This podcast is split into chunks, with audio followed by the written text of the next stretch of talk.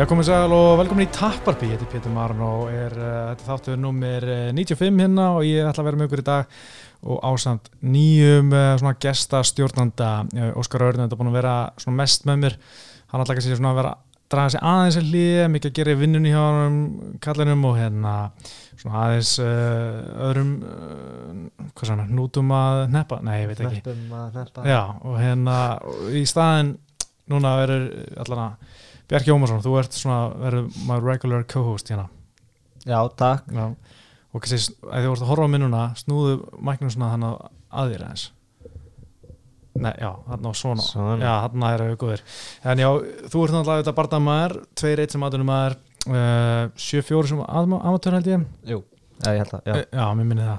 Þannig að þetta eru alveg eh, 13-14 bardaðar Mhm. og þannig að þú getur auðvitað sagt okkur ímislegt um það sem er að gerast í búrunu og þannig að við bara, þú er alltaf oft fyrir en áður skilur við, Mhm. þetta er ekkert eitthvað breaking news þannig en hérna, það er bara gaman að fá þig svona meira inn í þetta. Og, Mhm. og hérna me, svona, svona stærra hlutur, skulum við segja.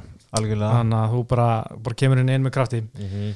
Uh, náttúrulega gaman að fá þína reynslu til að skoða barndana og, og all, allt þetta þannig að það er bara skemmtilegt. Uh, við erum að fara er margt í dag, það er náttúrulega búið að ógæslega mikið að gerast í dag, mm. Það er náttúrulega þriðu dagar, við erum að taka upp hérna.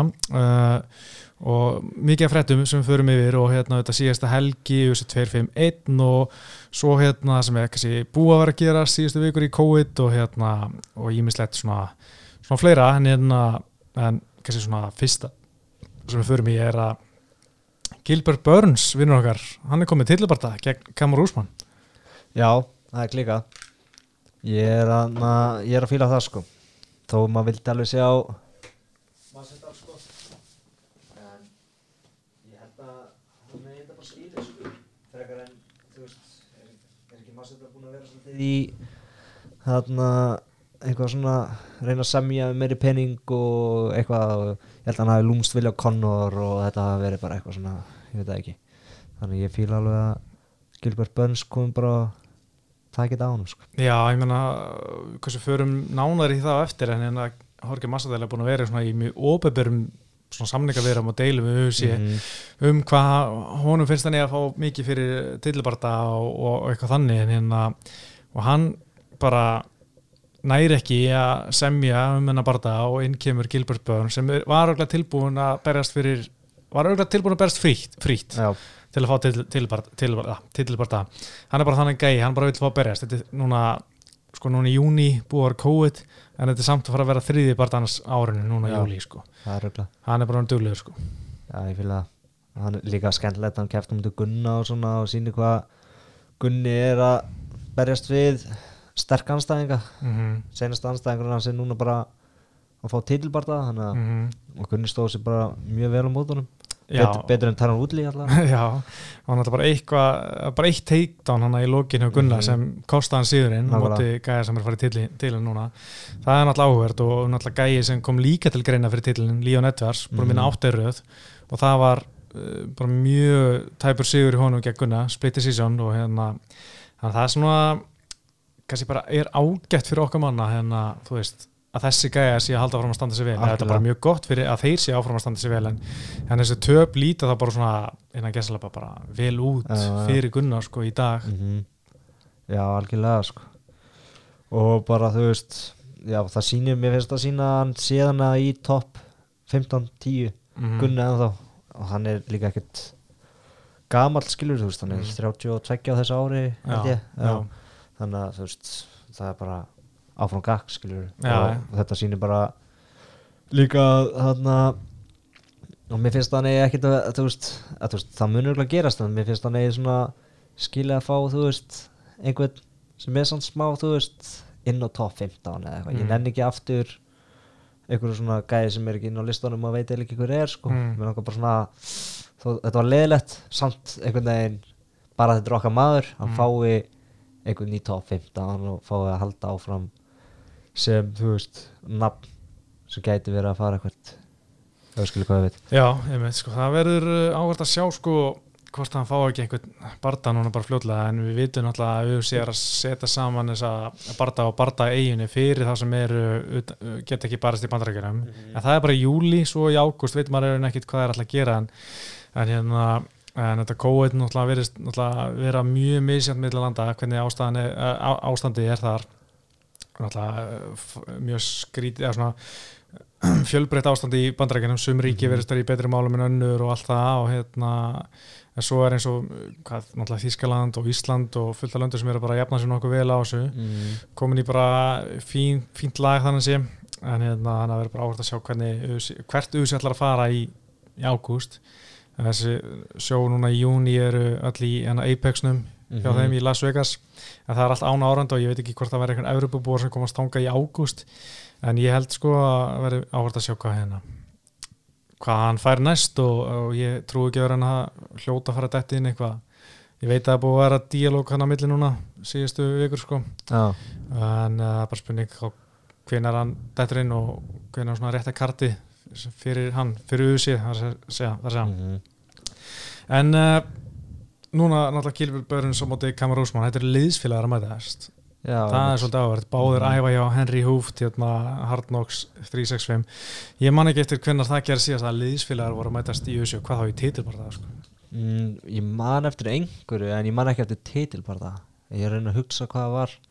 Eitthvað svona Robbie Lawler á múti Tarum Woodley eða eitthvað, voru þeir ekki eitthvað? Er Jú, það er reynda góða punktur. Þeir voru báður hjá American Top Team en ég held að fyrir þann barða hafi, hafi hérna, þar að útli verið eitthvað meir í American Top Team í öðru fylki Mm. eða annar borg eða, og líka hjá Duke Rufus í hérna hvað er þetta aftur? Hvað sem hann er hérna? Já. Minneapolis eða eitthvað? Nei, Minnesota. Já Milwaukee, sorry. Já, hérna, mm. þannig að hann hefur kannski verið svolítið, ekki beint að æfa í hana Coconut Creek í Florida eins og Robbie Lawler en já, þeir eru örugglega verið svolítið svona eftir saman örugglega fyrir þann barða eða svona áður en þið börðust þannig að það var ávart að sjá eða náttúrulega endast ekki, endast ekki lengi en eins og núna þá er þeir bara 100% með sama yfirþjálfara sem er náttúrulega Henry Hooft og ég held að Henry Hooft sko það verður fyrir hann að ákvað með hvað hann ætla að vera og einhvers staðar las ég hann muni bara stíga til liðar og ekki verið hóttin hjá Mm. kóruðum sko Mm. Uh, til að hafa geta sanginni hann er náttúrulega alltaf með hann báðum og ég held að þeir séu nokkuð góðir saman allir sko. En hérna Henry Húft, nei hérna Gilbert Burns hitti Úsmann bara í gær og þú veist, það er ekkert uh, engin ítlindi þar á milli, það er bara ekkert með virðing bara Úsmann sagði við hann hei, þú voru að gera það sem þú þarft að gera fyrir því, þig og þína fjölskyldu. Og hann virði það bara, hann það verður bara svona þú veist, þetta verður mjög skrítið fyrir það en, en ég held að þeir bara fara og bara taki hart, ha, mjög hart sparr hann í, hérna, í tillibarta Já, já mjög hart sparar, já, er Já, ég held að líka sko. Ég, að ég held að þetta getur líka bara verið fýtt bardaði sko. Ég er samt, því miður sé ekki hann Gilbert verið að fara að taka þetta eftir allan að framistöðun hans úsmann á móti Colby Covington sko. Mm. þá sá ég, mér fannst hann taka nýtt stökk sko. Ég, var bara svona, ég sá ekki marga verið að fara að taka hann sko Nei, en mér fannst ég Gilbert náttúrulega að taka nýtt stök líka þegar hann fór á móti Taran Woodley mm -hmm. mér fannst hann eiginlega vinna Woodley meira samfærdi heldur en Úsmann gerði sko. Veist, hann var bara að pakka hann svo mikið sama standardi líka sko. Mhm. og var þetta bara geggja standardi og wrestlaðan, þú veist, hann Já. tók hann niður og Úsmann gerði það líka maður bara bjóst ekki við því að, að Gilbert Burns myndi ná, ná hérna Woodley niður þannig ég get alveg séð að Úsmann myndi kannski bara halda þessu standardi þú veist, Mhm. á móti Gilbert Burns eða þá svona Volenstól eða svona vera svona uppi búri eitthvað hérna Já. að resla það sem hann alltaf mjög sterkur í en það er ekki svona sérstaklega skemmtilegt að horfa á kannski Nei, það verður kannski ekki mikið að fara í fellur eitthvað á móti Burns nei Nei, mitt Já, ég, þú veist, ég mér fannst úsmann verið að fyrir eitthvað svona leilugur fættir sko mm. sérstaklega svona, þú veist þegar hann fór mútið Taran Woodley og svona, þú veist, svona, svolítið svona hangir á gaurum sko, mér finnir að hann hafi gert það líka mútið Leon Edwards og svona, Já, en síðan þegar hann fór mútið Colby Covington, maður held þetta er svona svipað sko, þegar hann alltaf bara standaði allan tíman sko, og hann síndi alveg high level striking fannst mér sko, já, ég held að það ekki verið einfella í þeim barða sko. Nei, það var magna sko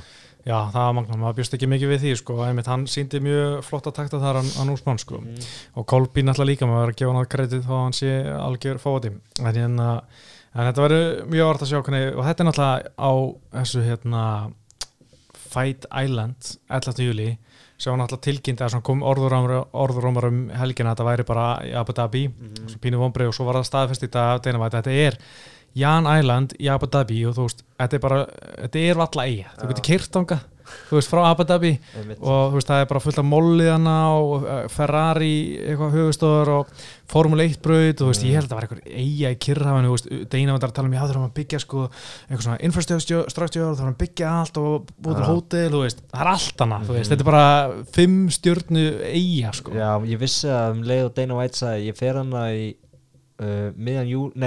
hana miðan júni, lók júni og kem aftur heim í lók júli verðan í mánuð á þess að fara heim. Mm, og þá er bara eitthvað, þetta er einhver hellu eiga mm, eitthvað svona, þú veist, hann er ekki að fara að hanga á einhverju bara, einhverju rugl eigu bara eitthvað Mm. Robinson Crusoe dæmi, sko. Það er bara svona þannig að maður, ok, ok, maður orðin dálítið spenntur fyrir að vita hvað það var, sko.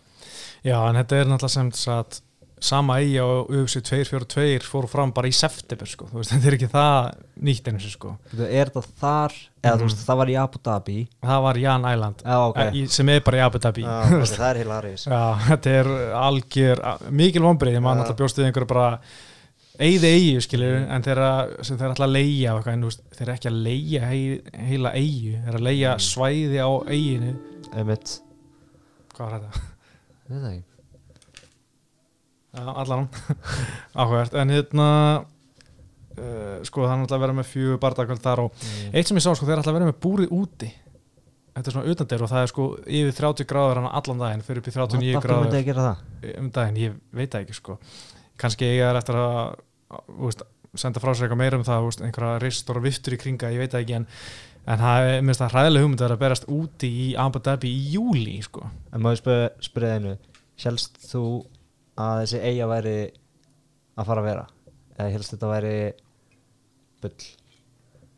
ég var alveg komin á þetta myndi svona að þetta er ekki eitthvað nett þetta Nei. er bara eitthvað svona veist, að því að þeir sérstaklega þegar þeir eru komnu með hana Apexin í Las Vegas að þá myndi bara að það geta allir komið hinga Já, þetta er bara eitthvað svona hálfgerð vonbrið, þannig að maður var svona hættur að pæla í en þú veist, ég man að þetta kom fyrst upp þá voru allar að tala um þetta, þetta var svona að koma að vísi og svona mainstream fjölmjöla eitthvað Já. fólk var spenntið yfir þessum en séðan kemur í ljós hvað eigið þetta er þá er öllu sama mm. það er ekki eins, eins mikið hæp eins og, eins og maður kannski vonast eftir svona. Mér finnst þetta ekki vera eiga og getur kert á það Það er bara eitthvað, já. Það er algjört, svona lettan, en, en þetta kart er lítið drullu vel út, Gilbert Börn sammátti Kamur Úsmann, svo er uh, Max Holloway og hérna, Alexander Volkanovski 2 mm þú veist, mér, leiðist að sjá instant rematch auðvitað, ekki, ekki ég Nei, en hérna, þú veist ég var svona fyrst bara af hverju þú veist, er, mm. en þú, svo er eiginlega engin annar augljós áskorandi, þú veist, Nei. það pælir í þú veist, Chan Sung Jung, hann er Korean Zombie þú veist, mér finnst hann ekki að gert nóg til að fá tillibarða þú veist, vantar einn ein, hérna Sigur við, já, Jair Rodríguez líka, mér finnst líka vantar einn Sigur í honum, Mm. uh, Brian Ortega er ekki búin að berja sem að tappa fyrir Holloway hérna í desember 2018, þú veist, það er svona engin augljós kontenter, sko. Mér finnst þeir eitthvað skilið þeir eru búin að vera svolítið svona lengi champ. Þá finnst mér alltaf svona, já Æ, ég er alveg til að segja þetta aftur. Já, já, já, það er hérna en mér varst fyrir bardaðin bara, þú veist það var ekkit, veist, það var ekkit svona aksjón, þetta var svona tæknilegu bardaði og allt það en það var ekkit svona mjög lítið af svona highlights eitthvað svona, Já. veist, það sem uh, blóði, hérna, eða blóðþrýstingun hækkaði eitthvað, það var eitthvað eitthvað spenntur, skilju, þetta var kom svona aldrei eitthvað, wow, wow, wow, hvað er einmitt, það vantar svolítið þannig Já. í, í þessu meina og ég er svona pínu á því bara að Max Holloway sé, þú veist sem bara búinn sem bestur í fjæðaröktinni Já, hann búinn að taka mikið damage, búinn að vera lengi og þú veist, Mhm. hann erfitt kött og, og veist, alltaf þá hann sé bara 28 sko, nákvæmlega þú veist, menn að sé hafa hrunnið uh, og þó sé ekki orðnið 30 eins og hérna bara á Ég meina ef þú ert 21 eða hvað hann var þú ert í UFC þá Mm. ertu bara einhvern veginn eldri 28 ára já, eða þú veist, Mm. mér finnst það að vera svo oft þannig einhvern veginn svona ungir þeir eru ekkert alltaf bara hvað þeir eru onni 30 nú er ég ung, eða þú veist Mhm. ef þeir eru í UFC búin að taka allar þess að fæta Mhm. þá líður mér þeir eru komin í onni 30 þá finnst mér ekkert eitthvað að vera nú er píkið mitt eða það er svona búið að taka út allt úr þeim sko. Já, það er svolítið þannig sko. uh, Svo er náttúrulega kannski förum meiri í eftir en uh, Petri Jan og Hósi Aldo er á þessu kvöldi líka Mhm. í bandaveitinni en hérna svo er búið að staðfesta að Stípi á DC eða Daniel Kormið 3 í ágúst. Það er bara komið tíma það og loksins mm Mhm. Stípi tilbúin að halda fram ég er til í þann fætt ég var að horfa á nummer 2 bara í gær eða fyrra dag. Bara sett á hann, ég var að aðeins að sjá hann því ég myndi eiginlega ekkert eftir rímasnum sko, mm. það var geggjaði bardagi sko. Já, já, já, mjög flottur sko. Og ég held sko að ég náttúrulega Kormi rústaði svolítið fyrstulótinu en náði hann Mhm. niður og bara held hann þar svolítið svo fór hann ekkert í wrestlingi ekkert og nú er hann alltaf búin að segja það eftir þennan barða eða fyrir hérna barða nr. 2 hann að nota wrestlingi meira þannig að það verður mjög ávart að sjá sko hvort það náði því já. því að mér fannst Stípe vera úst, betri standardi skilur hann var svona betri hvað í allan í þriðilótu að fór hann að snúi sig sér í vil sko. Mhm, og klára þetta náttúrulega með skrokkauki hérna, eða svona skrokkaukin byrju þetta í fjóralótu þegar ekki. Mhm, og hérna, þannig að það verður ávart að sjá bara hvernig það mun spilast en, en það er í ágúst og ekki vita hvar sá bara það verður en, en hérna, það er örglega í ég veit ekki, Las Vegas eða eitthvað. Ég vonandi verður komið við áhörundur Já, ég held það ekki Uh, svo hérna búið vera náttúrulega svolítið svona ókýrð hjá stjórnarnum John Jones, mikið að Mhm. kvarta Jorge Massadalauta og Conor McGregor er hættur en að gessalapa í þriðja sen þetta er náttúrulega veist, eins og Jorge Massadal hann er búin að tala mikið um, hann vilji bara að hann finnst að barda menn að ég fá stærri hluta kukunni Mhm. eins og þetta er núna í NBA og NFL þá eru íþróttamennir að fá 50% af tekjunum uh, en núna en í UFC eru fætir hann að fá 20% Einmitt.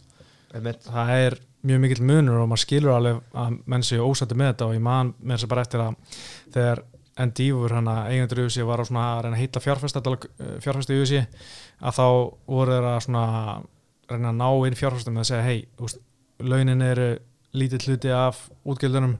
Veist, við, við höfum bara haldið því lengi og ætlum að, hal- ætlum að halda því þannig áfram. Og sem ég svona montasæði hvað launin væri lítið hluti af tekjanum sko. Og hérna þannig að ég að það sé ekkit sem þið vilja breyta sko, auðvitað ekki.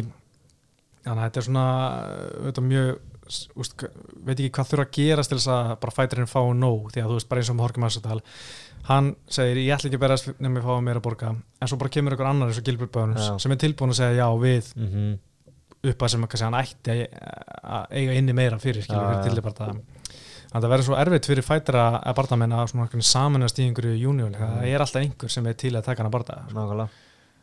Já. Ég held að þetta sé samt ekki að þetta er náttúrulega valla peninga í sig allan hjá Connor en maður skilur alveg með þú veist eins og Jorgi og svona sem er búin að vera lengi sem atvinnumæður í þessu Mm. sko. Og svona þetta þú veist það er það er engin peningu þannig sé í þessu þú veist það er mest örgulega 500.000 dólar eða eitthvað mm. Ég myndi alveg gráta ef ég myndi fá það en þú veist þegar þú ert komin á þetta level þá, Mm. þá viltu náttúrulega þegar þú ert að sjá kannski aðra fætira eða ert að sjá aðra íþróttamenn þá langar þér að fara að fá meira sko og þá Mm. finnst þér kannski þetta að vera bara rétt í stöðinu að fara í smá svona verkfall Já, einmitt sko. Ég meina að Deina segir þú þarft ekki að berjast við getum ekki neitt til að gera neitt og getum gert hvað sem er en þeir get ekki Nei. gert hvað sem er. Þeir get ekki farið bara á ok, þá ætlum við að berjast í Bellator. Nei, Nei, þeir eru með samningu í USA Mm. og þeir verða að berjast, berjast þar eða þá berjast ekki og fá enga pening skilur þetta er svona þetta mjög erfið stað og USA náttúrulega bara þú veist, með mjög einhliða samninga sem alltaf hefur verið vitað og og, það er svona þeir hannar til þess að halda þér Mhm. lengi, þú veist það er mjög erfitt að mjög svona sjaldgætt að samningur renni út bara Mhm. þess að auðvitað láta það gerast sko. Mhm.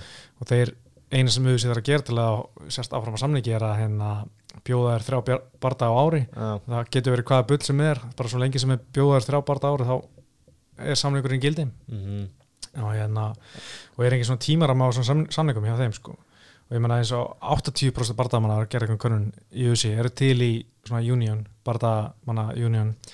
Og veist, það væri þetta mjög gott fyrir þá en þetta svona fyrir okkur neytendur myndi alveg vera myndi við sjá einhver svona neikvætt skilur já, og veist, það verður örugglega hlutir myndi taka lengri tíma að gerast eins og Mhm. bara USADA. Og veist, Já. það er þurft að fara í gegnum einhver bardamanna samtök mhm, til að það fari í gegn og, og allt það sko. En svo er náttúrulega eins og veist, John Jones er alltaf að benda veist, Deontay Wilder fekk 30 miljonum dollara fyrir Já. bardaðan gegn Tyson Fury og það pay-per-view var 700 til 800 þúsund já, pay-per-view og það er bara mjög svip og keftu já, hann- John Jones já. og Daniel Cormier tvö og John Jones fekk svo sannlega ekki 30 Nei. miljonum dollara þannig að maður skilur að menn séu fúlir sko. mhm, algjörlega já, mér finnst að John Jones eins hann uh, mikið fíbl og hann getur verið þá, þá á hann alveg þú veist, að því þú veist hann er bara samkvæmt Dana White og, UFC held ég að þú veist rankings þá er hann bara greatest. Já, bara fight, þú veist hann er rugglgóður mhm, hefur sínt það.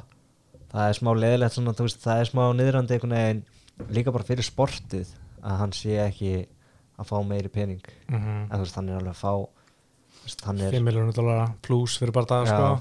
en Deontay Wilder fá 30 Já, veist, það er rosalega rosalega Joshua fekk held ég 90 miljónir já, já, það er rosalega mikið. Þegar hann barist í Arabi Já, já. þetta er bara eitthvað fáralegt sko. Ég veit sko.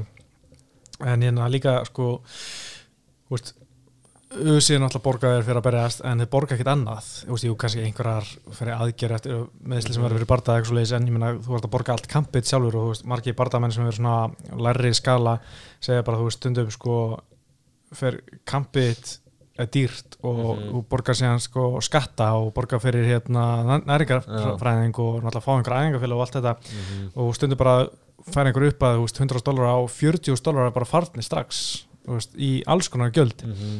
og hérna og þá veist, er þetta menn svona pínu svektir skilur að hérna hvað er missa mikið oft af peninguna því þetta er svona kannski eini svona payday á Mhm. í marga mánu en hérna og svo þú veist fyrir ISBN gerir 150 miljónum dólara samning á ári við UFC og þú veist bardamenn fá ekki króniði Æ, En það í, veist, ég held að sé NBA þannig að veist, spila þar inn í og þannig að leikmanni fá hluta af tekjunum sem Já. koma frá sjónvastílnum við, við hérna sjónvastöðar, sko. Og Já. það munur alveg svolítið slatta, sko. En eins og er að segja, þú veist, ekkert spennandi fyrir hann. sé bara bjóða honum heimskulega bardaða. Mhm. Í Hvað hvað var hann að byggja um? Hvað heldur hann hafi viljað? Þú veist ég, ég skil ekki alveg að þú veist ok ég skil náttúrulega hann ætlaði að barist eitthvað fjóru sinum á þessu ári eða eitthvað ég man ekki hvað hann sagði Mm.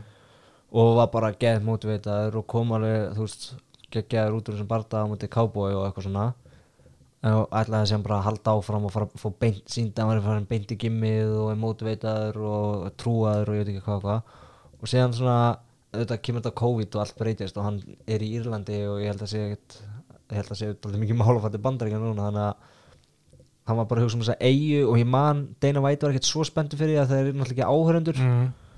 þannig að þú veist, síðan var þessi bardaði þannig að Tony Gaethje og mér, ég held að ég hafi verið að lesa á þannig að Dana White hafi búið Mm, já, einmitt. Conor þetta og hann sagðist ekki vera svona þannig fætir að hann Já. bara hoppi inn í eitthvað svona Mm.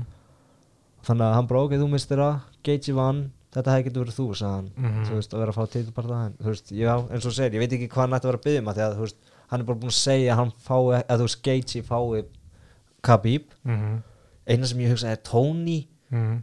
það getur verið eitthvað en þú veist veit, maður veit ekki hvað hann er búin að byggja um neitt, veist, það er svona það meikar eiginlega ekki sens eins mótiveitar hann sagðist alltaf, eða þú veist, segist vera þá meikar ekki sens, en það meikar líka alveg sens þú veist, skurinn er fucking milli, sko, þú veist, Mhm. af hverju að láta lemja sig í skilur, þetta er ekki eins og þú sért fótboltamaður sem getur gert þetta bara þá til að eitthvað, að ég verð að hætta út á hnýðinu eða Já. bakinu eða eitthvað, þetta er svona þetta er aðeins meira, þú veist meira risk, þannig að þú veist þú getur ekki bara eitthvað, ég veit það ekki persónulega var ég hættur en mér finnst mjög leiðilegt ef hann er hættur sko, Mm. því ég, vil bara, ég myndi vilja hafa hann hana forever. Já, en eins og með veist, núna er hann ekki með barda og Jorge Masvidal ekki með barda mm -hmm. það var þetta risa barda fyrir USA eru já, sorry, já. Ég væri mest til í það sko, núna Jorge bara missa Mm. hann tilbarda en aftur á móti, þú veist miðjasalan fyrir USA á konabarda er 15-20 miljónir dollara. Nákvæmlega. Það er mjög erfitt að missa það, maður skilur Mhm, það alveg. skilur að það, fyrirtæki sko. er bara svona herru, róm og græðis Mhm. þannig að maður veit ekkert hvenær auðvitað getur bara ok, við ætlum að vera með sjó hérna með árandur það er ekkert vita hvenær það verður hvort það verður á þessu ári sko. Þannig að já, að pay-per-view er í risa en þú veist, Mhm. það verði ekkert gate skilur Mhm. en já, Jorgi Masvidal mega sens, maður held að það væri svolítið að fara að gerast þegar þetta var það var, bara, það var Úsmann, Mhm. Masvidal í júli síðan alltaf bara ekki lengur Mhm. og maður bara, ok, það er eitthvað í gangi og þá held maður kannski það var eitthvað svona rúmur sem það verði Conor og Jorgi Masvidal sem það væri alveg skemmtilegt þú veist, það væri skemmtilegt, að þú veist frekar til að segja það heldur en þegar að koma eitthvað hann á móti Úsmann Mhm. það bara meikar ekki sens sko. Francis Ngannou næst eða þú veist já. eitthvað ekki sens sko. Þannig að já, ég er alveg til í Jorge, ég er sann skítrættið í Jorge Masvidal, hann er Mm. svona, hann er hann er sterkur og hann lék sér aðeins meira á neitt heldur en Conor lék sér á neitt sko. sko Það er góð punktur sko. Ég, einmitt Ég held að það var algjört, ég held að það var skemmtilegst í bardagi sem Conor getur farið, ég er svona mest spennandi Mhm. en ég er ekkert vissum að mann vinni sko en hérna en það væri bara einmitt geggjaði fætt sko og hérna væri úgæslega gaman að sjá það Blaðmannfundinir, Mhm. sterdánið Já, það var allt gaman við það, það var alveg svona, það var risa Mhm. Conor bardagi, þú veist Svona tveir gæðir sem að reyna að vera mestu gengstræðanir það er geðvitt sko. það verður, þú veist það verður líka alveg svona ég held að verður bara svona mikið stuð í einhvern veginn Mhm. og og, og ég var alveg, ég er mjög spenntið fyrir Justin Gaethje og Khabib en, en þú veist, þetta verður svona bara, veist, þetta er bara Mhm. superfight, þú veist, Conor og Jorge Masvidal, En sko, sem var Daniel Cormier og Ariel að tala um á Fight Island Nate Diaz Conor, Mm. þrjú eitthvað svona, voru eitthvað allan að hann var eitthvað hæpið á Daniel Cormier sko. Mm. þannig að maður svona, ok, þú veist jú, jú, ég er alveg svona ég sætti mig við það, ég er ekkert svo spenntur fyrir því, ég er nefnilega ekki spenntið fyrir því, sko. en ég er samt spenntur fyrir því heldur en Anderson Silva að- Já, einmitt hann bara átt að segja því sjálfur hann Conor hann í þessu viðtalu í spjana það er, það myndi alltaf segja veist, að hann getur ekki komið vel út í að berja Andersson Silva, veist, hann er orðin hundgama alltaf, Mhm, búin að tapa fyrir öllum náðan sem hann er barast við, mhm. bara líta ógust ítlu út og þú veist, það verður ekkert stuð. Á orðan bara það en sko, uh, sko Nate Diaz nummer þrjú, Conor og Nate Diaz, veist, mér finnst ég bara ég bara að fara að sjá nákvæmlega sama og 2016, þú veist. Það er ekkert að að vera nýtt og þetta er bara einhvern veginn svona það er að vera blóðstríð, það verður ekki gaman en þú veist, af hverju ekki frekar að sjá hvað þú veist, hvað gerist þegar Conor og Jorge Masvidal fara í búrið, þú veist, mér langar að vita hvað gerist ég held ég viti og allir ekki að vita hvað gerist þegar Mhm. Conor og Nate Diaz mætist í búrið, það verður bara eitthvað stríð mi- mikið blóð, Mhm. skurður og Nate Diaz senda fuck you puttan Já, og þú veist að það verður bara svona mhm. skemmtilegt en mér langar að sjá miklu frekar Jorge Masvidal á móti, Mm. móti Conor Já, ég meira, meira sem meira til í Jorge en Khabib að þau, veist, að segja maður, svona, við höldum við veitum líka hvað gerist þegar Conor fyrir aftur mútið Khabib, Mhm. kannski breytist það eitthvað aðeins kannski hittir hann hann núna Mhm. en það er líklegast að hann taka niður. Já, já. og Nærlega. Uh, Tölum aðeins um kartaðum síðstelgi UFC 250, 250 Núna er bara að bursta þetta Felicia Spencer eins og var svona bjúkust til allir við því. En hérna og ég meina hún var bara betra standandi, betra wrestling betra í gólunu, hún náði sex fellum uh, varðist öllum sjö fellunum hjá uh, Spencer. Og Spencer bara, bara átti ekki breyk og þú veist, þetta er eiginlega bara svona að verða pínu leiðilega miklu reyðbyrður að þú veist, það er eiginlega svona orðið svona bara pínu ósangætt að vera að senda einhvern inn á mótinni sko. já, svolítið svona smá, sant það var svolítið þannig með Ronda Rousey líka. Það var maður svona en þú veist, þá viss, þú veist, hún bara armbaraði gælur á 8 sekundum og eitthvað svona fárlegt Mhm, Já, en það var samt svona, það var kannski meira hæp ég veit ekki hvað það er þú veist, þeir segja, þú veist, og sem er satt þú veist, Amanda Nunes er besti hvernmannsfætt er alltaf Mhm. tíma, já, það er ekki spurning. En samt, en á þeim tíma var samt Rándar á sig það, þegar hún var það. Mhm, já. en þú veist, það var samt miklu meira spennandi, sko. Mhm. fólk vissi, þú veist, það voru bara stelpur á mínum aldri sem horfa aldrei á bara. Randa Rási að fara að keppa það er ekkert eitthvað Amanda Nunes, það veit ekki hver það er sem er líka leiðilegt það er eitthvað svona, mér finnst þú það vantar eitthvað svona X-faktor sko. Já, sko Ronda var náttúrulega með það að þú veist, hún var að klára þetta bara, þú veist, þannig að koma hana á, uh, þú veist, 58 sekundur, 106, Mhm. 16 sekundur, 14 sekundur, 34 sekundur, Já. það var bara, þú veist, Mhm. það var svo klikka að sjá það, þú veist, Mhm. maður sá það eiginlega aldrei. og hún var svona karakter og lappa inn með þetta ömulega innkomulega Já. og var eitthvað svona reið svona, maður svona það var eitthvað svona, maður vildi samt einhvern veginn sjá hana það var Já, eitthvað og þú veist, kannski eru margar bara svona allan í Íslandi sem tengja betur við einhverja ljósara hvíta stelpu í bandarækjunum Mhm. heldur en einhverja, einhverja brassa stelpu sem eru örugglega búin að alast upp í einhverju fátátt í Mhm. ég veit það ekki en hérna, þú veist, mér fannst bara veist, með Ró- Rondu, þú veist, það var svona auðvitað mikið hæp, en þú veist, svo ef maður skoða svona, þú veist, auðvitað mér finnst náttúrulega Amanda Nunes bara klárlega miklu hún er góð í hvern maður algjörlega. bara 100% það sem finnst hún líka hafa fram með Ronda Rási, það er bara að skoða svona fyrirlskrána hjá Ronda Rási þú veist, það er ekkert mikið á svona stóru nöfnum sem hún er unnið, þú veist, í sögu Nei, hvernig emma, það er Jú Sara Kaufmann hún er svona, þú veist, einhvers þar hann uppi með bestu í Mm. 35 putunum Misha uh, veist, já, Missa Tate klárlega svo Sara McMahon, nei, þú veist Katsingano, nei, þú veist, hún ekki ná svona, hérna, þú veist, eða það er besta sem Katsingano Mhm. gerði var að vinna þetta Amanda Nunes, Mhm. síðast að konar að gera það og vann Missy Tate, en hefur ekkert gert mikið meira en það, þú veist, bara mikið meitt og, og allt það, Mhm. en svo þú veist, er konuna sem bara, bara átti ekkert erindi í titilbarta, eins og bara svolítið Felicia Spencer, bara eins og Besko Hega Alexis Davis, þú veist, Já. Liz Carmouche, þú veist, bara og svo langt frá því að vera bara á sama level og á sig og minnst það var sama núna með uh, Felicia Spencer, veist, bara Amanda Nunes er bara svo langt á undan samkjörni í uh, þessu flokki, hérna og bara núna konunum í dag, Mhm. að það er ekki breyk en þú veist, ef við skoða síðan Felixkarna hjá Nunes, það var með, veist Spencer, svo Jeremy Drandami, Holly Holm Chris Cyborg, þú veist Valentín Sisenko, Mhm. tveir sigur þar Ronda Rousey, Missy Tate veist, Sarah McMahon líka uh, veist, hún er með svo mikið að stórnarum, þú veist Mhm. eina kannski svona eitthvað stóra nafni sem vantar hana er Gina Carano en veist, Já. hún er ekki þannig séð þú veist, eitthvað legend Nei. bardakona, bara svona legend þegar hún var stórt nafn, skiljum Mhm. Já, hún Já, en samt alltaf, þú veist það reyndar, maður hoppar alltaf úr sætinu þegar Amanda Nunes headkickar Holy Holm eða kláraði Gínu, nei hann ekki Gínu heldur Cyborg á 40 sekundum og líka Rondur Rásiðar klika, Já. hún er, hún er rosaleg sko Já, en þetta er bara svona þú veist, þetta er veist, þetta er bara með flesta mjög marga í UFC eða Champions, þú veist, eins og Úsmann þú veist, hann kláraði Kolbi og maður er að missa sig en ég er samt ekkert eitthvað svona Úsmann er að gefa eða þú veist, það nei. svona vantar eitthvað svona mér finnst það líka vantar svolítið svona í, þú veist mjög marga ákvæmt núna, eða þú veist, ég er ekki svona Mm. oh my god, þessi, Þú Nei, veist, ég er farin að vera svona með John Jones sko. Já, mm, þess vegna er ég til í að John Jones fari upp eða Já, eitthvað sko, aðeins að gera eitthvað sko farið henni gamla, það væri þetta draumurinn sko. Mhm. en þú veist, 135 pundi var alltaf, þú veist, náttúrulega fyrsti flokkurinn í hverja flokkurinn í USA, það var alltaf stærsti flokkurinn og þarna voru stærsta nöfnin eins og Missy Tate, Ronda Rousey, Mhm. þú veist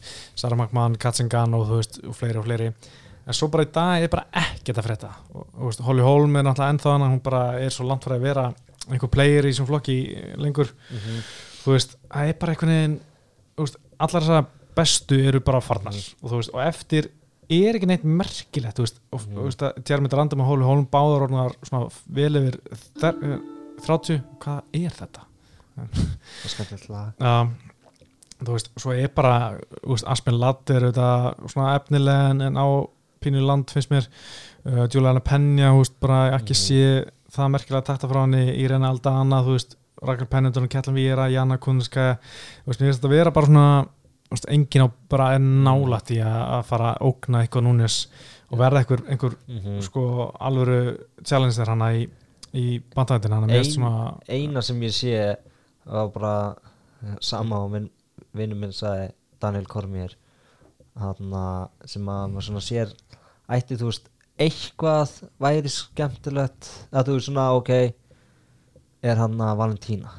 Já, mm, en þú veist hún er náttúrulega er hún ekki alveg hún er með í hvað þýndur hún aftur? Flugutt, Já, fl- 125 já, já.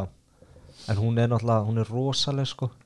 Já, en, en sko það er náttúrulega búin að núna er búin að vinna hana tvisar já, en mér finnst samt setni barðan var svo leiðilegur. Okkur er manni ekki eftir það að því þú varst að sopna sko. þetta var svo leiðileg barðan ég, bara, ég var í þetta er bara þetta er svona eitt versti barðan held ég sem ég hef hort á uh, fyrir utan kannski Derek Lewis og Ngannou þú veist, þetta var Mhm. svona, uff, það var, gerist ekkert sko. Mhm. bara þetta var svona bara pressa og svona low kick inside, Mm. inside low kick Mm. bara, það var ekkert að gerast, hundleiðileg barðan en já en, hérna, þá er hún bara búin að rústa allir Já, og, núna er þess ætla hann bara að taka sér frí út af ári Mhm. sem er bara fínt, Já. þú veist, hún er bara að vera Bara eigin spann og og- eitthvað þannig þannig að það er bara fínt fyrir hana en Spencer, hún alltaf átti ekki breyk aldrei í þessum Nei. og mér fannst svo pyrrandi eftir veist, það búið að berja hana í 20 myndur þú veist, hún er bara að reyna að ná henni reyna að standa með henni, það gengur ekkert. Hún er bara aldrei nála til að vinna Mhm.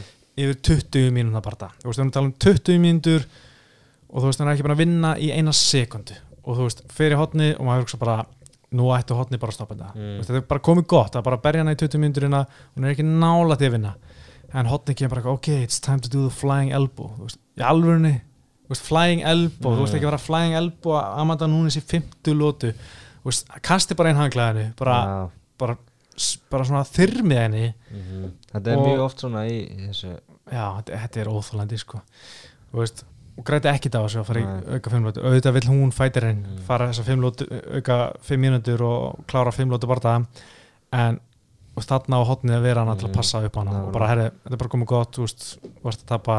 Þetta er að gera svolítið núna Það gerast þið Antoni Smith. Já, það var fáralegt sko, ég meina Antoni Smith fór í gegnum tvær 10-8 lótur tapa Já. tveimur lótum 10-8 og var að missa tennunar úr sér -hmm. og var ógæst að treytur, hann var aldrei að fara að vinna hann bara. Það, og veist, af hverju ekki bara kasta hann veist, þetta er, þetta er líka þriðið sinn sem ég sé hotni hérna uh, Factory X eitthvað sem hérna liðið hans Fortis mig held ég. Uh, gera þetta. Að hérna að Bardamar er, er að skítapa og Já. þrátt fyrir það kastaði ekki inn hanglaðinu og þú veist bara mesta beatdown sem hérna hefur verið síður ára hérna og Thomas Gifford barðaðin í fyrra. Ég man ekki alveg, það var bara, bara rugl hvað og mikið rúst sko. En þú veist, þeir kasta henni ekki hangla það er bara það er mjög leðilegt og hérna sorglegt. En eitt sem ég pyrra mig líka stundum það veist, eh, við þetta hotni hjá Spencer að þú veist, ég held oft í svona með kvennabartana, konur sem komast langt í MMA að þetta er oft ekki að koma frá einhverjum stærstu kampinu. Veist, oft er að koma inn svona þú veist, það er eitthvað kona sem þú veist nær að komast langt og er bara með einhverja þjálfara sem kannski er ekki endilega þú veist, einhverju heimsklassa þjálfarar en bara því hún er talent skilur, Mhm. í einhverju krummaskuðu þess svona og bara þeir koma svona í, inn í UFC og hún bara stendur sér vel í UFC mm. og er komin í titilbarta fyrsti titilbartan hjá þessum þjálfurum og þú veist, að, ég maður svo oft sjá konur úr litlum gimum komast langt í UFC Mm. og ég held að sé ekkert endilega því að þeir sé gera gott mót til þetta bara svona þú veist, það er bara miklu færri konur skilur og þá kannski bara svona stýttrilega á toppin og þá kannski er mjög fjölbreytilegi hér og þar en úst, eins og þarna í, í fyrir hérna Cyborg-bartan hjá uh, Felicia Spencer að það var í countdown þá var hann að voru að drilla að Spú, uh, Spencer var að halda anstæknum uppi búrið og droppa niður í hílúk ég bara, Mm. ne, hvað er grín þetta Mm. Það hljóta bara að djóka Það myndi engi gera þetta, hvað þá mátti Cyborg bara fáralega taktík Mhm. og hérna, bara held að vera bara grí- grín fyrir countani, bara eitthvað Mm. eitthvað skemmtilegt, en svo gera hann þetta móti Cyborg og ég Mm. bara, nei, veist og svo núna þetta, flying elbow þú veist, Já, hvaða rugg er þetta, veist, þetta bara virka bara eins og einhverjir hillbillies sem við þannig að með að litla sem að sér að fara á svo Mm. hotni hjá, hjá Spencer. Ég bara, bara segja það, Já. þeir ekki vera starfið sinni vaksnir nei, eða þú veist eina sem ég hugsa með þetta droppa niður í hann að hílúk er auðvitað bara svona þú veist, ég held að það hafi ekki verið þannig en þú veist, þú ert að fara á mútið Cyborg og þeir voru ekki bara þú ert að fara að tapa veist, þannig að en þú veist, það gæti, þú veist, þetta var svo mikið svona það er svo mikið svona lest það er bara svona plan sko, tvöfald vaff, það er bara, þú veist ég, það er ekkert ok, bara vonast þess að vinna í lottó og ná þessum hílúk einhvern veginn. En ég veit ekki, það var örugglega ekki þannig að þeim sko, það var eitthvað já, Já, þetta var þetta skríti En núna er, hún er the real double champ. Hún er búin að verja Mhm. bæði bandvættatitilin hún er og fjárvættar síðan hún vann báða tillana Það er eitthvað sem Cormier, Henry Cejudo eða uh, Conor McGregor tókst. Mhm. Hún Það er alveg, alveg afrek sko. já, hún er mögnu sko. Ég er ánægðar að sjá. býst Algjörlega. Uh, Skiptum að þessu gýr Bandaveitin, 135 pund Karla Það er bara spennandi dild mest spennandi flokkur í dag. Hann er að blómstra. mm -hmm. Cody Garbrandt geggjar helgina Aldrei með Störling geggjar Sjóna Malli geggjar Mhm. og svo var þetta, hú veist, Cody Stamman og Brian Mm. Keller þetta eru þetta gæjar sem voru að berjast í fjæður en þú veist, þetta var bara frábært kvöld fyrir, það var bara mest í svona eins og eitthvað tournament sko, fyrir tilbardaðan sko.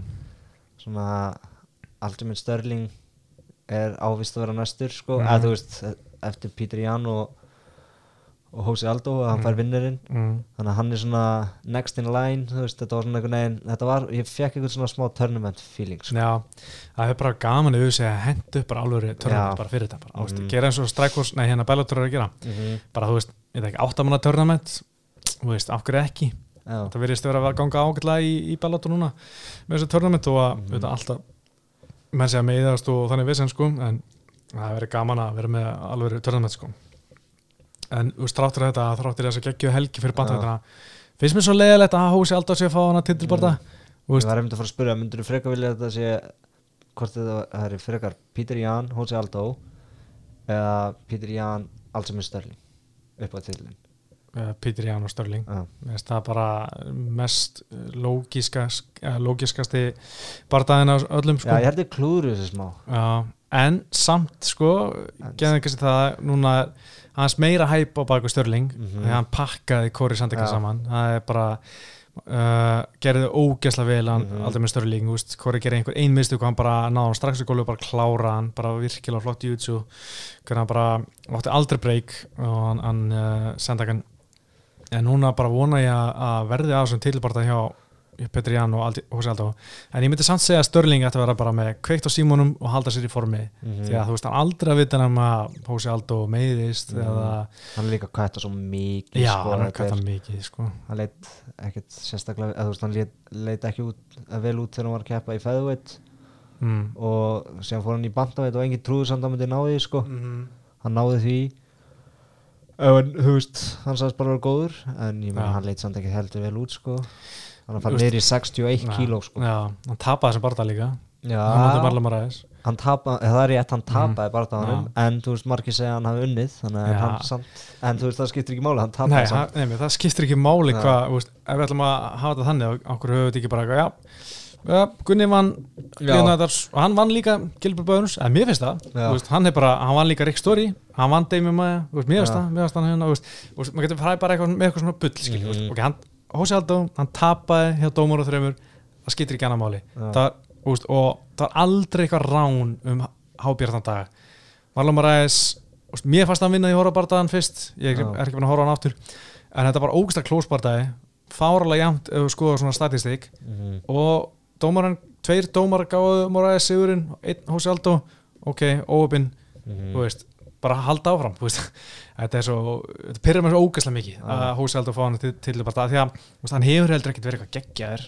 Er ekkert- hann er ekki að taka fljúundir nýja og með eitthvað að blómstra hérna síðust ár, þú veist. Búin að tapa fyrir, hann búin að tapa þreymur síðustu fjórum held ég, tapa fyrir Volkanovski þar hann, hann búin að tapa tveimur í röð sko. Mhm. já, þetta pyrra pyrra mig mikið. Mhm. en hérna, þetta var svona ég var einmitt að hlusta á Ariel og Daniel Cormier tala um það og þá var Daniel Cormier bara hann vann samt fætin hann og, og Ariel var bara, hann vann ekki. Veist, hann tapaði Já. á stigum. Það er alveg sama, veist, þetta var alveg eins. Það var, veist, þetta er það miklu betri rök þó að því finnst það hann hafa unnið. Samt, það er svo mörg þannig dæmi Mhm. að gæjar tapa. Eða flest dæ- dæmi sem einhver gaur tapar en allir voru bara, wow, hann vann. Mm. hann fekk samt ekki eitthvað nei, ég menna Johnny Hendricks fekk ekki, ekki titilinn þó að margir hafa já. sagt að hann unni GSB já, gerðist ekkert, hann bara tapaði hjá Mhm. þessum dómurum. nákvæmlega. Og þar fannst mér Johnny Hendricks vinna Mhm. en skiptir ekki máli. Og dómarinn sögðu að já. GSB vann og það var bara þannig. Og mér fannst GSP vinna bara því ég held með GSP þannig að það er örugglega fullt af fólki sem er hann ánæð já, Já. eða þú sem elskar Hósi svona. Mm. en sjáum bara hvað gerist, ég menna Störling hann, ég man það kom fyrst í USA að fyrsta kvöldi sem ég lísti, hann að USA 170 eh, hvað er februar 2014 hvað sér, UC 100 og- 170 já, þannig að ég og Gutti að lýsa það var sko, meinivendi var Rousey já, og Sara Bankman og co-main var Daniel Cormier og hérna Patrick Cummins kom inn hann að Já. þetta fyrsti barðan hans Á í, í 4-0 light heavyweight. ágæðið mjög skemmtilegt. Hérna mismats Gutti, já, algjört mismað sko. kom inn með 11 dagar fyrir ára því lítið dæmi sko. En við Gutti vorum lýsa og eftir að ég sko, minnkart það svo búið fljótt. Ég meina, Mm. Cormier klárat á einhverjum veist, tveim mínúndum og Ronda Rousey á mínúndum og þá settu Störling barðan svona eftir á. Já, og hérna, þá var, voru að lýsa honum þrátt að vera búin að horfa á hann fyrir um kvöldi já, og vita hvernig hann fór. Það var mjög, Já. mjög steikt að upplega það sko. en, hérna, en ég man bara alltaf eftir því að hann kom inn og þá var hann sko alltaf að tala um að hann væri svona bandað eftir John Jones, það var svo langur, Mm. langar hendur. En einhvern veginn svona þú veist, hann var ekkert eitthvað fáralega impressi, hann var alveg svona, vann hann að Cody Gibson eftir Decisions og tók hann svona hérna, að klára einhverja nokkra barða en svo kom hann að tvö töpi röðu gegn Brian Caravé og Rafael Asunciao mhm, og þá svona einhvern veginn glimtist hann pínu og svo var hann líka alltaf svona pínu awkward með hann funky stíl standandi Mhm.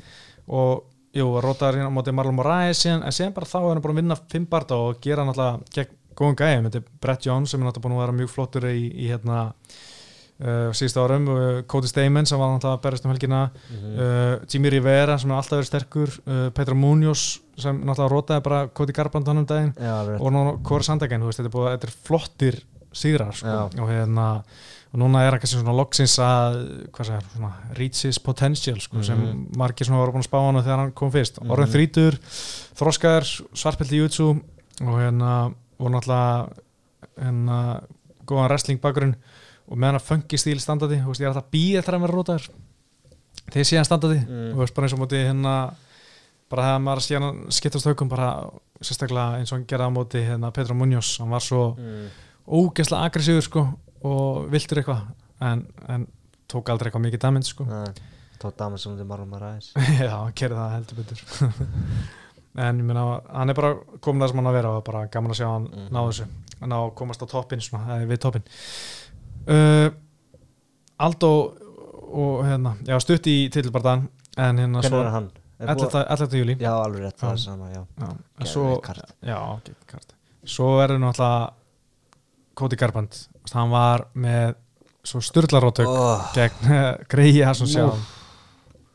Það var rosalegt sko Og líka svona Bara þegar bösserinn kom mm. Ég tók reyndar núna Körubólta bösserinn sko. Já, En þetta var svona þannig. Já, Geðveikt sko.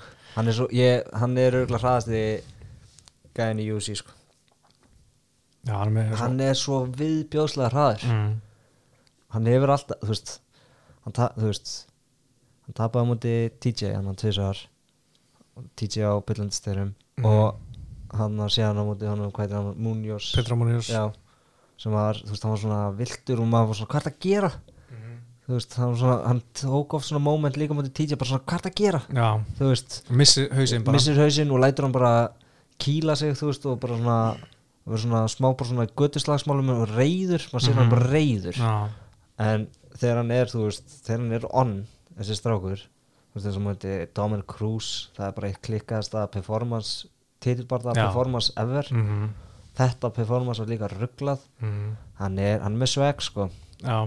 Þó mér finnst það leiðilegur Já, hann er uh, leiðilegt að hlusta á hann tala en gaman að hóra hann berjast. Mhm. en hérna, hann er, hann er geggjaðarinn. En það er annar hann í bandhættir sem einhver svona var að tala um að vilja sjá þá mætast, Sean O'Malley uh, og Cody Garbrandt já, uh, þetta rótöku Sean O'Malley var líka klikka og, og fengur svona tvö rótöku sem vera pottið Mhm. á listum við bara bestu rótöku ársins. Mm þegar árið verið gert, upp- gert upp. Og geggjað rótöki hjá Sean O'Malley, ég man sko þegar maður sátt fyrst þetta og svo virtist bara vera upp úr engu Mhm. síðan maður sá endur sýninguna er þetta tölu ekkert um það sko en það bara eitthvað sem benti hann á það á Twitter sem ég sá að þú veist hann bankast drullu mikið hann Eddie Vanland við einhvern svona hægri króka undan Mm. hann var svona pínu svona okkar á löpunum já, og síðan kemur þessi bara hægri að því hún kemur bara svona upp úr engu Mhm. þú veist og hann setti aldrei hendurinn upp sko hann Eddie Vanland hann að held hann að því að hann var náttúrulega orðin pínu vangaður hann Mhm. að eftir einhvern hægri króka undan en hérna fáralega gott höggu þetta Mhm. og bara stinnróta Eddie Vanland sem hefur verið eða tvísar áður. Þannig að mjög að veist, ég held að þetta er alveg test Já, og mér fannst þetta var- Vanland já. vera að líta vel út veist, þetta var Já. svona fyrstu, fyrstu tvær myndur eða eitthvað mm eða mínúndura og ég held að þetta er svona aðeins erfiðara fyrir sjónamáli en svo bara slögt hann á honum. Já, hann er búin að senstu tveiri fætar hjá Sjóna Melli búin að vera impressive sko. Og það var líka skemmtilegt þetta var svona walk-off KO já, og Joe Rogan segir við hann þetta var örgleitt flottast walk-off walk walk KO sem ég séð. Mhm. síðan bara kemur Cody með ennþá flottar Já. að beint eftir á henn er ennþá núna allt í einu- er komin á Cody sko með langaði hendur hann aftur hann inn sko. Fyrst að þeir eru, örglega að fara að keppa næst. Já ég, ég held að ég sé svona hæja hans á lestinni hjá Er það? já, ég held að þú eru ekki hendur hann í kóti strax sko. Það væri bara, já, það er undar svolítið, ég sé ekki Sean Sean og Melli vinna Cody sko. Nei, ég held að Hann byggja er- hann aðeins meira upp sko Mhm. hérna, hann meitnan og svona fætt sko. Já, þú veist, ég meina Eddie Vanland reynslu mikil gæi, mjög góður. Já, reyndar, já, þú veist, típist fyrir hann að kannski fara á móti ykkur gæði eins og Jimmy Rivera þú veist, Rob Font, eitthvað svona þannig sem er í vinnum minn á Facebook. Já, vinnan á Facebook, Rob Font. Það er fyndið. að hérna er John Dodson, eitthvað svona þannig gæði þú veist, Marlon Vera, það er fullt af gæði manna, Cody Mm. Stamen sem var að berjast Mm, fullt af gæði svona í 10-15 sem var fínt test fyrir, fyrir sjónarmáli sko. já. gæti þetta ekki bara verið Marlon Marais á móti Cody Jú, það, þeir eru eftir að berjast, það getur verið Mm. rosalegt, Mhm. Marlon Moraes er ennþá nummer eitt Mhm. rangaður og það er ekkert að frétta fyrir hann greið hann áttur náttúrulega að fara móti Petri Jan í hérna Kazakstan í júni Já, sem áttu bara að vera á síðustu helgi en sá bara það náttúrulega blásin af áttu COVID og, og Marlon Moraes fekk ekkert í staðinn já þannig að Marlon Moraes er án anstæðings mm, Cody Garbrandt, hann er rangaður nummer nýju núna sko, hann mun skjótast upp í allan að fymta sko, Mhm. fymta fjóraða og Kóri Sandeggan er í fjóraða, hann dettur niður. Já, en þetta er orðið svo geggjaða flokkir náttúrulega með Marlon. Moraes, Aldemir Störling, Petri Jan, Kori Sandegen, Rafael Associa, Jose Aldo, Pedro Munoz, Jimmy Rivera, Cody Garbrandt, Rob Font, Dominic Cruz, Já, má ekki glemma honum.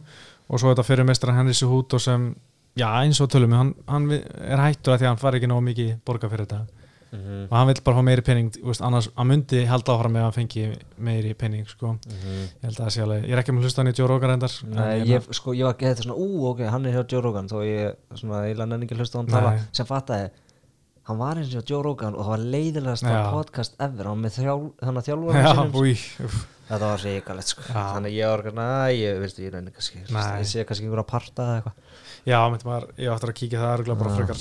En hérna en með uh, þessa bandaveit sko þannig að ég man ekki alveg hvert ég ætla að fara með þetta. Þetta er uh, geggja flokkur og uh, Aha. hlaka bara til að sjá, sjá hvað, ger, hvað er alltaf að gera með hann. Mhm. núna í á svo eigum uh, Sjóna Malli þú veist, var flottur og já, ég vona að hann fái bara góðan bara það næst.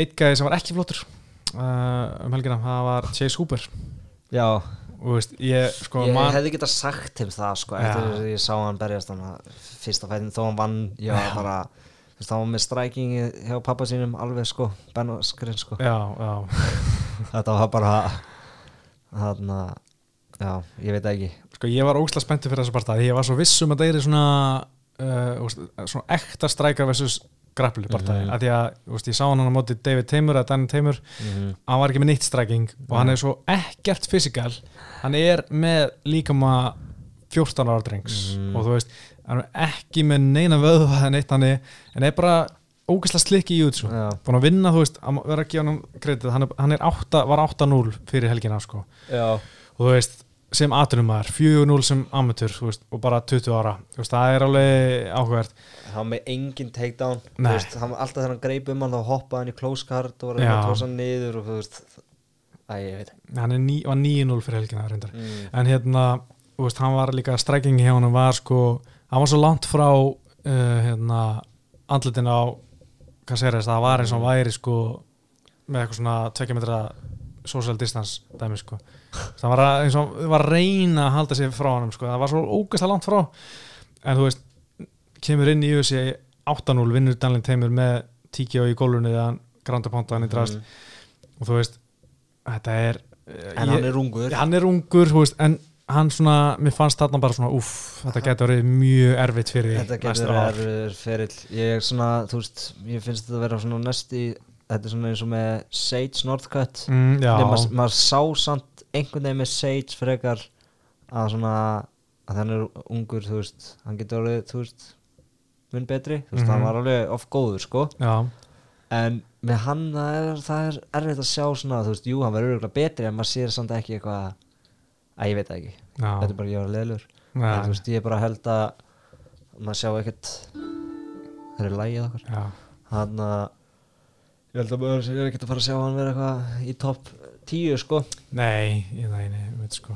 En það sem Seit var, var með, hann var náttúrulega rosalega fysikal sko, sko. En þessi er meira tanglegur, þannig að spurning hvort það get ekki bara saminast einhvern veginn, sko, og hann er með meira hjarta, hann, hann gafst ekki upp hann, hann sé super, hann Já. ádaleg bombur hann í fyrstu lótu, svona þunghög mm, hélt að fara, hann var með högu já.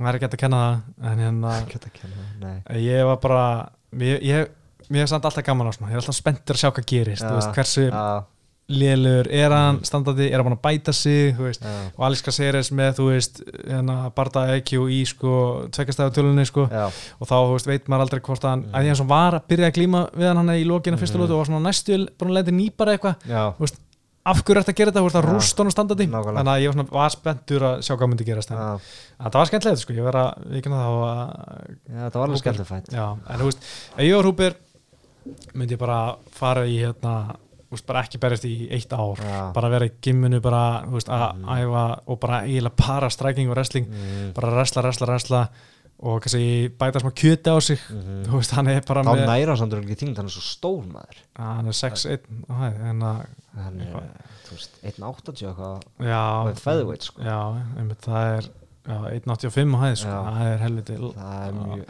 en kannski ekki mikið, maður bæta smá á sig. Maður sá að það er ekki og þegar hann bætir eitthvað á sig þá er hann lightweight sko. Já. þá er hann að fara á móti allt um stórum og görum sko. Já, það er kannski bara komin uh, setjum tíma vandamál. En uh, annars sem að áhvert á þessu karti var þetta hérna Cody Stamen þegar hann vann Brian Kelleher. Mm, uh, náttúrulega bróður hans Stamen bara dó í síðustu viku, hann bara er samt átjana litlu bráðan segi ekki? Og dó hann bara í svefni. Já, eitthvað mjög undarlegt sko. það er eitthvað hrikalegt að lendi því sko. Mhm. og ég veit ekki hvernig maður myndi díla það að vera mæta að berjast, en kannski fannst hann bara fínt að þú strefa huganum Já, og vera að hugsa um eitthvað annað en, en, en bróður sinn og maður sá það líka bara hvað það skipta miklu máli þú veist þegar hann bara það búum fór bara strax að gráta, fella Já. tár. Og þetta er, já, ég veit ekki hvernig það væri var ekki hægt að setja sig í þessi spór sko. Mhm. já, var, en hann höndla þetta mjög vel. Og, og síndi mikið svona andlaðan styrk. Uh, já, svo sem ekkit meira sem langar að fara yfir á þessi karti sko. Það var hann að leggkikinn já, já, hérna hann fekk bónus. Júsir Formiga Nei, Og Alex Perez. já, Perez, Já. já, sem hann, já ég veit sko, ég var ekki sátt með það ég sko, ég held að þetta var nýjað á honum já, já, þetta var svo skrítið sko er ekkert búið að koma fram að hann sé með eitthvað slítið crossband eða Nei. þetta var, mér fannst það svo fárlegt það var Já. nokkur leggkikana í kálvan sem er viðbjór, það er miklu Já. verra heldur en bara vennilegt leggkik bara sko, sko 50 sem verra sko. já, ok. en þetta var, mér fannst þetta voru svo nýbyrjað einhvern veginn Mm, mér fannst, já bara, ó, nýð já, og líka höggið sem þú veist senda niður var henni bara ógeðslega svona virka bara svo máttlust bara svona rétt snerti nýð Mhm. svona, svona nýja skilina, kannski nýja skilina eitthvað færst til eða eitthvað, ég veit ekki. En það var mjög pyrrandi fyrir mig því að ég, ég sko, mér fannst mjög erfitt að tippa prílims það bara allt rosalega jæmt eitthvað á svona pappirum fannst mér. Mhm. og ég var ekki viss með neitt en hérna svo ég ákvað bara svona Júsef fyrir Mika, Mika hann er solid, Já. veist, hann er bara hann er nagli, veist, ég set hann decision Já. svo um leiða þetta byrja er bara ah, fokk maður, hann er að fara að skítapa og, og ég bjóst ekki að það myndi veist, bara klára í fyrstu lóti sko. Það var, það var leiðilegt að sjá það sko.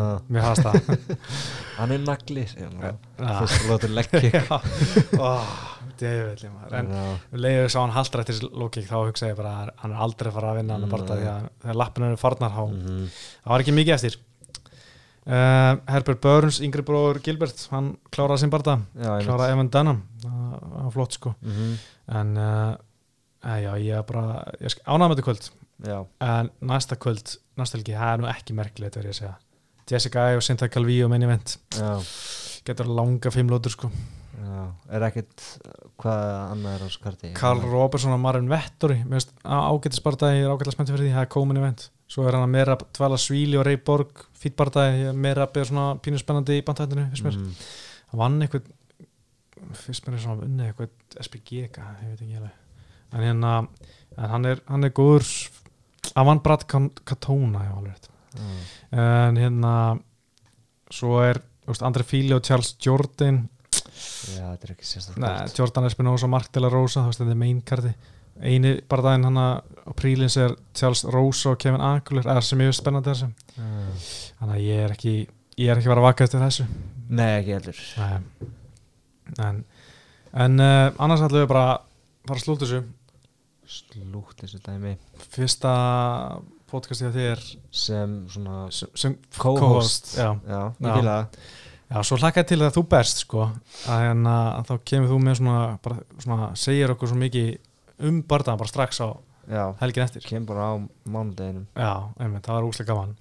En það er kannski eitthvað eitthva í það. Það er eitthvað í Já, þú áttur náttúrulega að berast hana í Sönderland í april, við vorum Mhm. búin að græja það fyrir því Jesus Christ maður. en svo kom þetta COVID. Já, þú varst, þú varst duglegur matchmaker hana og manager. Já, Þú varst komið fullt að dæmi fyrir alla í liðinu. Já, Síðan bara og við, þú varst bara hvað, þú voru með þrjá fæta á þessu ári alla hana já, varst búin að skoða öll þannig kort fyrir bara alltaf árið. Já. Sem bara boom allt lokað. Einmitt sko, það er ógeðsla sveikandi sko. Ég með ég fara á þess að eigi þannig Já, einmitt, já, hvernig var það? En ég sko ég er með búkmarka svona í tölunni í vinninni hérna, svona skjál eða hérna, já, búkmarka í, í króm svona bardamenn til að berja. Veist, ég bara búkmarka gæja sem eru svona í, í fjæðarveit og veltuvitt fyrir Björnlugas Já, í pró sem eru svona með svipamarka, barda á því. Já, og svona, já, mér langar að þeir, þeir fara á móti þeim, ég, svona, ég fylgist með þeim, sko. Já, ok. Þannig að sjáum hvar þeir eru að berjast Já, og reyna kannski að komast ánga inn eitthvað. Og sjáum bara hvað gerist. Að- einmitt. En uh, já, við vonum bara að fara að leysast eitthvað en að komast einhverju barðar annað, annað en í USA þó að sé náttúrulega, heimsklund að fara að berjast núna skilur fyrir utan að náttúrulega Íslandi er eina landi sem er held ég fara að vera með alveg ekki aksjoni í gangi sko. Ég var að tala við Július þjóðurann um daginn. Hann var að, ég var að spyrja hvernig ástandi var í Þýskalandi. Það er ekki alveg, ekki eins og komið að, fullt þar sko, Sko, í já, það sem að Ísrael er. Hann er býr þar eða ekki, hann æfir þar. Já. já.